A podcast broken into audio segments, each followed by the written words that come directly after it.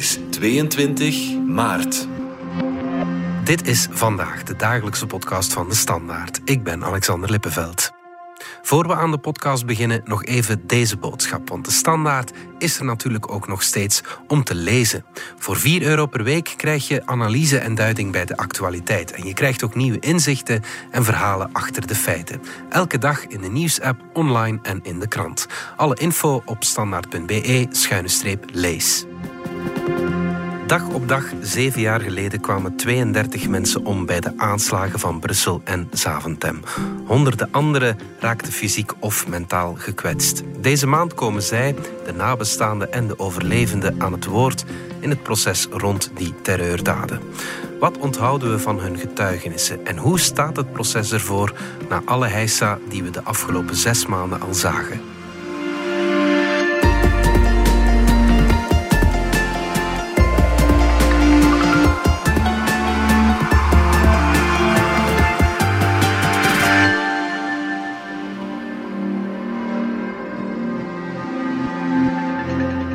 Mark Eekhout, jij volgt het uh, terreurproces voor onze krant. Het proces van de aanslagen is in september vorig jaar van start gegaan. Ze zijn daar een half jaar bezig met de pauze niet rekening gehouden dan. Hoe vaak ben je nu al naar de oude NAVO-gebouwen in Everen gereden de laatste maanden? Ja, toch een, eh, een keer of twintig, hm. dertig misschien. Ja. Uh, zoals je daarnet zei, ja, het is inderdaad begonnen in september, maar er is natuurlijk al vlug die discussie geweest met uh, over de kooien, de glazen kooien. Mhm. Daardoor heeft het proces dan twee maanden stilgelegen. En eigenlijk is het dan in uh, december echt begonnen. Deze maand stond in het teken van de slachtoffers. Ik kan me inbeelden dat er wel heel wat uh, emotionele getuigenissen geweest zijn. Ja, klopt. In elk geval. Ik moet er misschien eerst wel bij zeggen, er zijn ook heel veel slachtoffers die niet gekomen zijn. Mm Er zijn meer dan duizend burgerlijke partijen, maar uiteindelijk zijn er een kleine honderd slachtoffers die zijn gekomen. Ja, vele kwamen niet omdat ze die confrontatie niet wilden aangaan, mhm. omdat ze de moed niet hadden om dat te doen. Compleet begrijpelijk. Uh, anderen ja, zien ook de zin niet meer. En zeven jaar na de feiten, want ondertussen zijn we toch al zo ver mhm. om nog eens uh, heel die wonden te gaan openrijten en dan zijn er ook de praktische dingen. Hè. Veel slachtoffers wonen in een ander land. Hè. Uh, de aanslagen zijn onder meer gebeurd op Saventem. Ja, daar, daar stonden veel mensen die uit de VS kwamen en, en, ja, en uit nog andere landen. Mhm. ja, die zagen het ook niet meteen zitten om, om terug te keren, om te getuigen. Ook al omdat hun getuigenis dan ook al een keer, allee, ook al is is uitgesteld hè, door heel het gedoe met de kooien. Dus veel van die mensen hadden hun vliegtuigticket al geboekt. En dan bleken, bleken ze toch niet te kunnen getuigen. Ja, die hebben dan ook gezegd, ja oké, dan, dan hoeft het voor ons niet meer. Ja, te begrijpen natuurlijk. Um, iemand die dat wel gedaan heeft, die van uh, de VS is overgekomen, is uh, Beatrice de Lavalette. Dat is een uh, vrouw van 24. Zij was de eerste die op 7 maart ja, getuigd heeft. Ja, de eerste zij was de allereerste. Ja.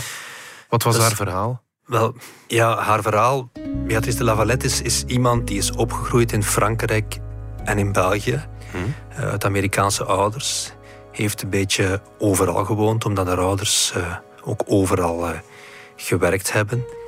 En ja, zij ging uh, die dag, die fatale 22 maart, ging die terug naar Amerika voor spring break, zoals ze dat zelf noemde. Mm. Ze ging eigenlijk familie en vrienden gaan bezoeken in de States. En ja, zij stond heel dicht bij een van de terroristen die zich liet ontploffen. Mm. Nu, ze heeft het overleefd, maar ze is uh, beide benen verloren.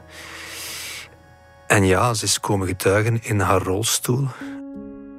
Nu, zij ja, maakt een zeer, zeer ja, moedige indruk.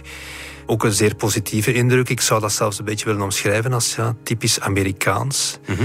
Ergens hebben veel van die Amerikaanse slachtoffers toch de neiging om zoiets negatiefs in iets heel positiefs te willen wringen. En dat was bij haar ook zo. Ja, zij, was een, zij reed paard voor de aanslagen, maar ze is dat ook na de aanslagen blijven doen. Mhm.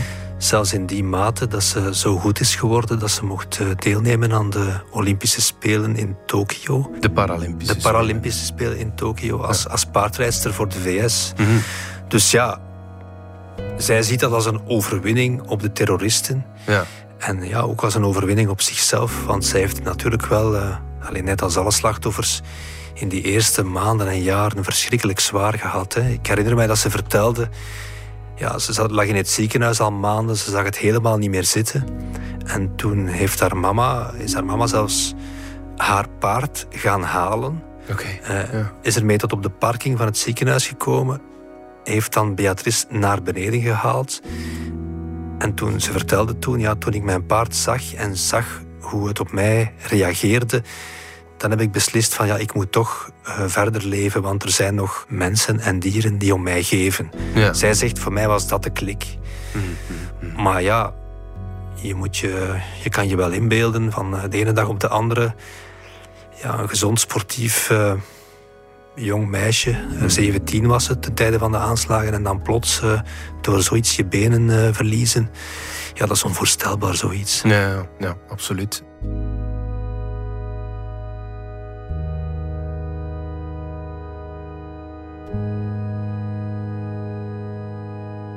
Nog een sporter met een sterk verhaal, dat is uh, Sébastien Bellin. Dat is een Belgische professionele basketspeler. En een kleine zeven jaar nadat hij voor dood werd achtergelaten eigenlijk in Zaventem, liep hij de Ironman in Hawaii, zowat het, het strafste wat je op sportief vlak kan doen. Dat is wel bijzonder, die, die veerkracht ook van uh, de Lavalette. Ja, van klopt. Ja. Belijn is ook zo iemand, net zoals Kern Noordschild trouwens, die bij ons uh, in de krant aan bod is gekomen die ook haar redding zoekt. En Sebastien Belijn is ook zo iemand die, die zoeken hun redding in sportieve prestaties. Hè. Die, die zoeken naar uitdagingen.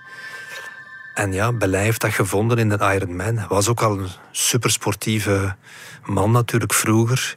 Ja, is dan door die aanslagen geknakt. Mhm. Maar heeft ja, de beslissing genomen om, ja, zoals hij zelf zegt, om dat te zien als nieuwe kans.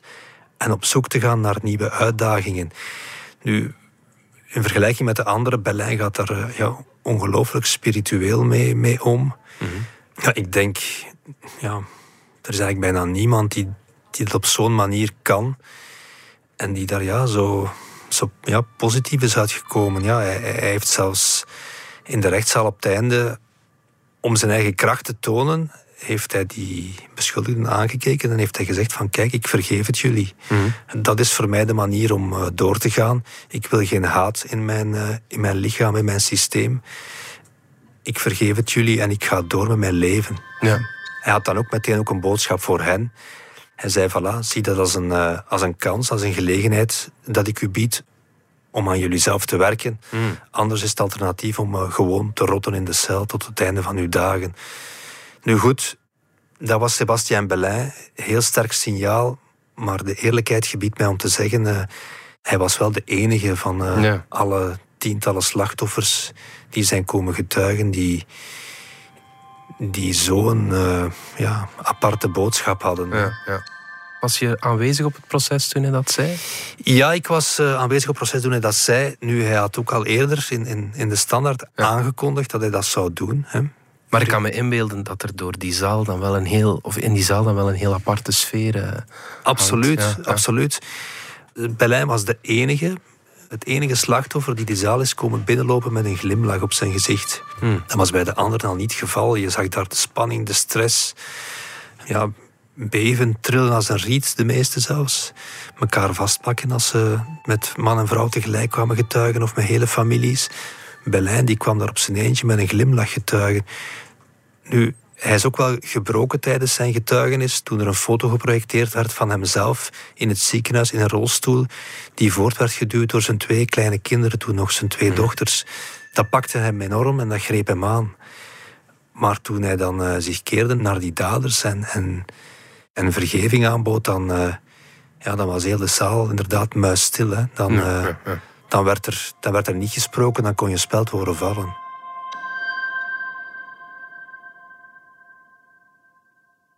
Filip van Steenkiste, die is ook komen getuigen op het proces. Ik ben Filip van Steenkiste. Is directeur van V-Europe. Dat is een uh, organisatie voor slachtoffers van terreur. Voor hem als nabestaande... Mijn zuster is overleden bij de aanslagen in Zaventem. Is het moeilijk om de daders te vergeven, zoals uh, Sébastien Bellin deed? Het, het, is een ander verhaal. Het is een andere situatie. Dus zij die het overlevende om zich te, gelijk uh, Sébastien, om het volledig te verwerken en afstand te nemen, kunnen ze zeggen: Ik vergeef het jullie, zodat ik niet meer aan jullie moet denken. En dat is zeer mooi en ik apprecieer dat. Uh, anderen zeggen van ik ga het jullie nooit vergeven. Dat is ook een keuze, die moeten we respecteren. Maar voor nabestaanden, ja, wat doen we nu? we kunnen het niet vragen aan, aan de personen die verdwenen zijn. Dus ergens gaan we, ja, voor onze eigen verwerking kunnen wij daar een standpunt nemen. Maar gaan we dan ook spreken voor zij die vermoord geweest zijn? Dat is een, een moeilijke situatie, dat is een, een, ander debat in feite. En dat brengt ons zelf ook ergens in, in verwarring. Van als ik vergeef, zou de persoon die verdwenen is daar wel mee instemmen. En als ik niet vergeef, uh, wel komt dezelfde vraag in feite. Dus we, blijven daar met een, uh, ja, een, een onbekende waar we nooit een antwoord op zullen vinden. Kan me wel inbeelden, Mark, dat lang niet iedereen zoals Berlijn de daders vergeeft. En dat ze vooral iets hebben van. Ja, dat ze maar branden in de hel om het. Uh, nee, absoluut. Er zijn, er zijn ook mensen. Ik herinner mij de ouders van, van broer en zus Pinchowski, die ook zijn gestorven op, op Zaventem tegelijk. Die waren samen op reis gegaan naar de VS. En de ouders van die twee kinderen zijn ook komen getuigen was ook een heel ontroerend, uh, aangrijpend getuigenis. Het zijn twee Nederlandse mensen, maar die ook over heel de wereld hebben gewoond. Mhm. En ja, die, die hun kinderen waren al niet meer heel vaak thuis, want die waren uitgezworven. En toch waren ze in de dagen voor de aanslagen thuis geweest in Lanaken, waar ze wonen. En die dag gingen ze terugvliegen naar de VS. En ze stonden eigenlijk vlak naast een van die terroristen. En ze zijn, uh, ja, ze zijn alle twee uh, gedood. En voor die mensen, die, eh, die emotie was verschrikkelijk. Die, die zeggen, ja kijk, eh, we hebben nu alleen nog elkaar, we hebben niemand meer. Dat was een heel sterk waardig getuigenis. Maar op het einde eh, zei die mama op haar eigen waardige manier, zei die wel tegen die beschuldigden van ja, voor mij mogen jullie rotten in de hel. Dat is de begrijpelijke reactie natuurlijk. Dat is de begrijpelijke reactie. Ja, Moet ik eerlijk zijn, het zou ook mijn reactie zijn. Hè? We luisteren nog even naar Filip van Steenkisten. Het proces is natuurlijk erg emotioneel, maar die emoties tonen tegenover de verdachten, dat ligt in zijn ogen toch heel moeilijk. Het is geen gewone assise in feite. Het gaat hier over terreur. Bij geval van terreur we hebben dat ook gehoord bij de audio's en de video's van de IS. Wensen zij ook dat de mensen wenen, effectief onder de invloed zijn van hun terreurdaden. Dus als wij daar die emoties naar boven brengen, ergens geven we ook een beetje voldoening aan wat IS wenst te bereiken. Dus dat is al moeilijk. Anderzijds, ook als een slachtoffer of nabestaande van terreur, al hetgeen waar wij mee opgevoed zijn, al die waarden vallen een beetje aan het dingelen. Het enige wat wij hebben om ons overeind te houden, is de persoonlijke waardigheden eh, die we nog hebben. En als we dan ook in onze emoties naar buiten gaan, is het risico groot dat we ergens medelijden gaan creëren. En als we medelijden creëren, gaat die digniteit ook aan diggelen gaan. En dan hebben we in feite minder eh, elementen om ons overeind te houden. Dan waren er ook ooggetuigen, Mark, die niet fysiek gekwetst geraakt zijn, maar wel heel wat gruwel hebben gezien met eigen ogen. Wat is jou daarvan bijgebleven? Een van de laatste getuigen die vorige week is gekomen was uh, de chauffeur van de metro, mhm. die in, uh, in Maalbeek is ontploft. Nu, het uh, getuigenis van die man, dat, ja, dat ging door merg en been. Hè. Die is uit zijn metro gestapt. Die heeft mensen proberen evacueren. Die is dan in het, uh, in het tweede wagon geweest. Hè. De tweede wagon waar de zelfmoordterrorist zichzelf heeft opgeblazen.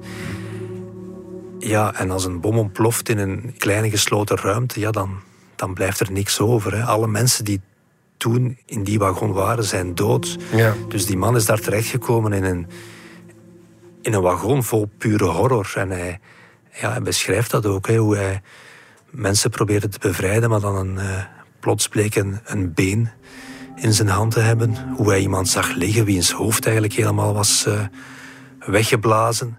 die man heeft, is eigenlijk ja, uren in de hel geweest. En, en die vertelde ook hoe hij s'avonds naar huis ging. Tegen zijn vrouw zei van, kijk, met mij is alles goed. Uh, je moet me niks vragen, ik ga niks meer vertellen. Niet vandaag en nooit meer. Hmm. En Sanderdaags is die gewoon terug gaan werken. Ja. Maar het is altijd maar slechter gegaan met hem. Hij zei van, kijk, ik had een indruk, als ik met mijn metro reed, alsof ik de mensen naar een slachthuis voerde. Ik kon die beelden niet meer vergeten, dat ging niet. En na twee jaar is die ook gecrashed. Hmm. En die is gestopt met werken. Geen enkel van die mensen die bij die aanslagen is geweest, of ze nu gewond zijn geraakt, of ze nu nabestaanden hebben verloren, of, of ze nu gewoon daar waren en gruwelijke dingen hebben gezien, niemand is daar onbeschadigd uitgekomen. En pas op, dat gaat over meer dan duizend mensen. Hè. Dat is niet te onderschatten.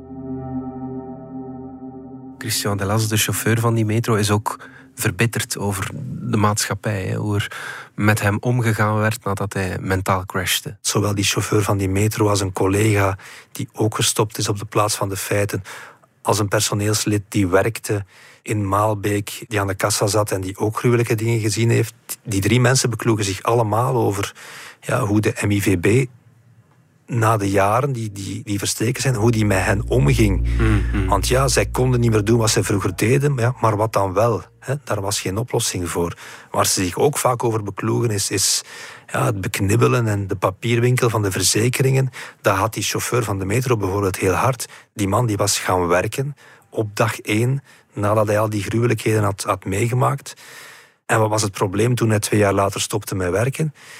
Dat het plots moeilijk was om het te laten herkennen als arbeidsongeval. Hmm. Hij voelde zich plots slecht, het ging niet meer. Ja, maar zeggen ze dan, u bent twee jaar gaan werken. Ja. Hmm. Dus ook op dat vlak, ja, noem, het, noem het gebrek aan begrip, aan flexibiliteit, noem het de neiging om te denken, ja, die mensen zouden die niet wel een beetje overdrijven. Hè? Als het dan gaat over psychische letsels. Maar in die rechtszaal is duidelijk weer gebreken ja, dat dat niet zo is. Als je die zag getuigen, die chauffeur ook, zijn collega. Ja, dat zijn gebroken mensen. Hè? Ja, dat zijn gebroken mensen die, die nauwelijks nog uit hun woorden geraken. Die, die staan te trillen of zitten te trillen als een riet. Mhm. ja, dat is, er is zoveel uh, buiten het lichamelijk leed, zoveel leed onder de waterlijn dat je niet meteen ziet. Dat is echt wel uh, pakkend en schrijnend. Filip van Steenkiste hoopt op gerechtigheid, maar ook op erkenning voor de slachtoffers. Wel, gerechtigheid is één van de elementen die de slachtoffers of vele slachtoffers nodig hebben om zich te reconstrueren. Maar het is niet het enige, dus het is één van de elementen. De andere elementen zijn ook misschien niet altijd voldaan. Uh, ook in, zeker in, naar België toe, de slachtoffers. Een erkenning is in feite een op een slechte basis vertrokken. We hebben ondertussen daar veel aan gesleuteld, de regering ook met nieuwe wetten, et cetera. Maar we kijken voornamelijk naar een betere toekomst voor eventuele, en we hopen het niet, maar toekomstige slachtoffers. Maar de bestaande slachtoffers hebben zich toch ergens gevoeld van, van, van dat die erkenning niet juist gebeurd is.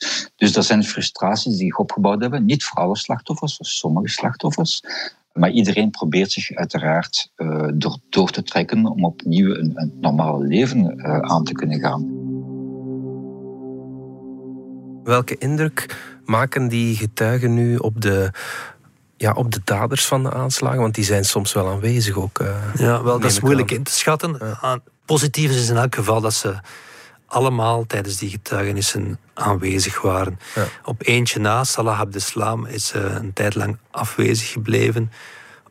Maar de andere, uh, anderen bleven allemaal zitten. Dus dat is het positieve. Hoe ze reageerden op, op die getuigenissen, ja, dat is moeilijk te zeggen, want ze zitten heel ver weg in de rechtszaal. Ze lijken aandachtig te luisteren en te kijken. Maar wat ze denken, ja, dat is natuurlijk koffiedik kijken.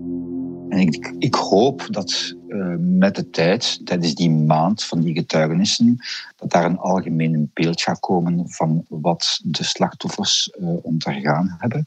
En dat dit beeld in feite uh, die invloed een totaal beeld gaat geven. En dat is het belangrijkste. Dus iedere getuigenis heeft zijn, zijn, zijn waarde en we moeten dat respecteren. En het is het totaalbeeld uiteindelijk dat het, het geheel gaat weergeven naar de juryleden toe. Aan het begin van het proces en ook ja, tot, tot, tot voor kort eigenlijk was er heel wat heisa rond de medewerking van de beklaagden. En je zei in het begin van het proces in een podcast bij ons dat het succes van dat proces voor een groot deel zou afhangen van de medewerking van die beklaagden. Ja, is er daar al wat beweging rond, zeg maar? eerst moet ik toch wel zeggen dat dat je toch ook wel bij veel slachtoffers de bitterheid merkt. Ze hebben dat ook verschillende keren zelf uitgedrukt. Het gevoel dat ze hebben dat er aan de beschuldigden die in die box zitten veel meer rechten worden toegekend dan aan hen. Mhm.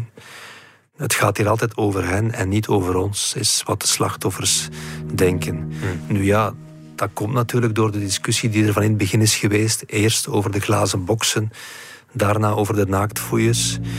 Positief is dat er vorige week dan eindelijk een, een arrest van het Hof van Beroep is gekomen. Dat zegt van kijk, eh, de naaktfoeiers mogen blijven, maar de beschuldigden die in de, in de gevangenis zitten, moeten niet meer door de knieën gaan mm. om in hun anus te laten kijken. Hè, want dat was waar ze zich aan stoorden. Mm. Dus sinds dat arrest er is, gebeuren er nog naaktfoeiers, maar gaan die beschuldigden dus niet meer door de knieën. Het gevolg is dat alles nu gekalmeerd lijkt in de rechtszaal. Mm. Uh, zelfs Salah Abdeslam komt nu, luisteren naar de slachtoffers en alle acht beschuldigden die aangehouden verschijnen, die dus elke ochtend vanuit de gevangenis moeten overgebracht worden naar de rechtszaal, die zijn er. Hmm. Dus op dat vlak gaat alles voorlopig, houd vasthouden, perfect. En waar staan we nu dan? In de eerste weken van het proces zijn er heel veel twijfels geweest over of de jury dat nu wel ging uithouden. Er zijn in totaal zijn er die eerste maand vijf uitgevallen. Hmm. Sindsdien geen enkele meer. Oké. ja. Dat is dus wel een zeer positief teken. En dat lijkt er toch wel op dat het proces tot een goed einde zou kunnen gebracht worden. Waar velen in het begin heel veel twijfels aan uh, over hadden. Ja. Vandaag is het uh, zeven jaar geleden dat de aanslagen gepleegd zijn. De volgende week komen er nog een aantal slachtoffers aan het woord. Dat is zo tot het einde van de maand. En dan, daarna, na de paasvakantie, wordt een nieuw luik in het proces aangesneden. En dan worden onder andere de beschuldigden ondervraagd. Mm Dat wordt eigenlijk een cruciaal moment. De vraag gaat zijn, ja, gaan ze antwoorden? Als ze antwoorden, wat gaan ze dan zeggen? Het zijn natuurlijk die zaken waar de slachtoffers, of toch sommigen onder hen, zitten op te wachten. Hè? Mhm. Wat gaan die daders nu zeggen? Ja, dan komen er ook nog een aantal moraliteitsgetuigen die, die moeten uh, zeggen wie die beschuldigden zijn, wie, hè, hoe ze waren in hun jeugd. Dus dat wordt er allemaal uitgelegd. Mm. En dan, in juni en juli, zullen de pleidooien uh, gebeuren. En hopelijk, hè, de hoop is dat er eind juli een uitspraak zal zijn. Dat zou misschien een beetje te krap kunnen zijn. Mm. Als dat zo is, dan uh, krijgen de juryleden in augustus en heel de rechtbank vakantie. Okay. En komt de uitspraak pas in september. Ja. Maar dat is voorlopig nog een beetje afwachten. Ja goed, we blijven het uh, proces volgen natuurlijk. Mark Eekhout, dankjewel. Dankjewel. Dit was vandaag de dagelijkse podcast van De Standaard. Bedankt voor het luisteren. Volg ons op Spotify, Apple Podcast of eender welk ander podcastplatform. In onze gratis FDS podcast kan je niet alleen ons werk beluisteren, maar ook de beste podcasttips terugvinden. Alle credits van de podcast die je net hoorde vind je op standaard.be-podcast. Reageren kan via podcast.standaard.be.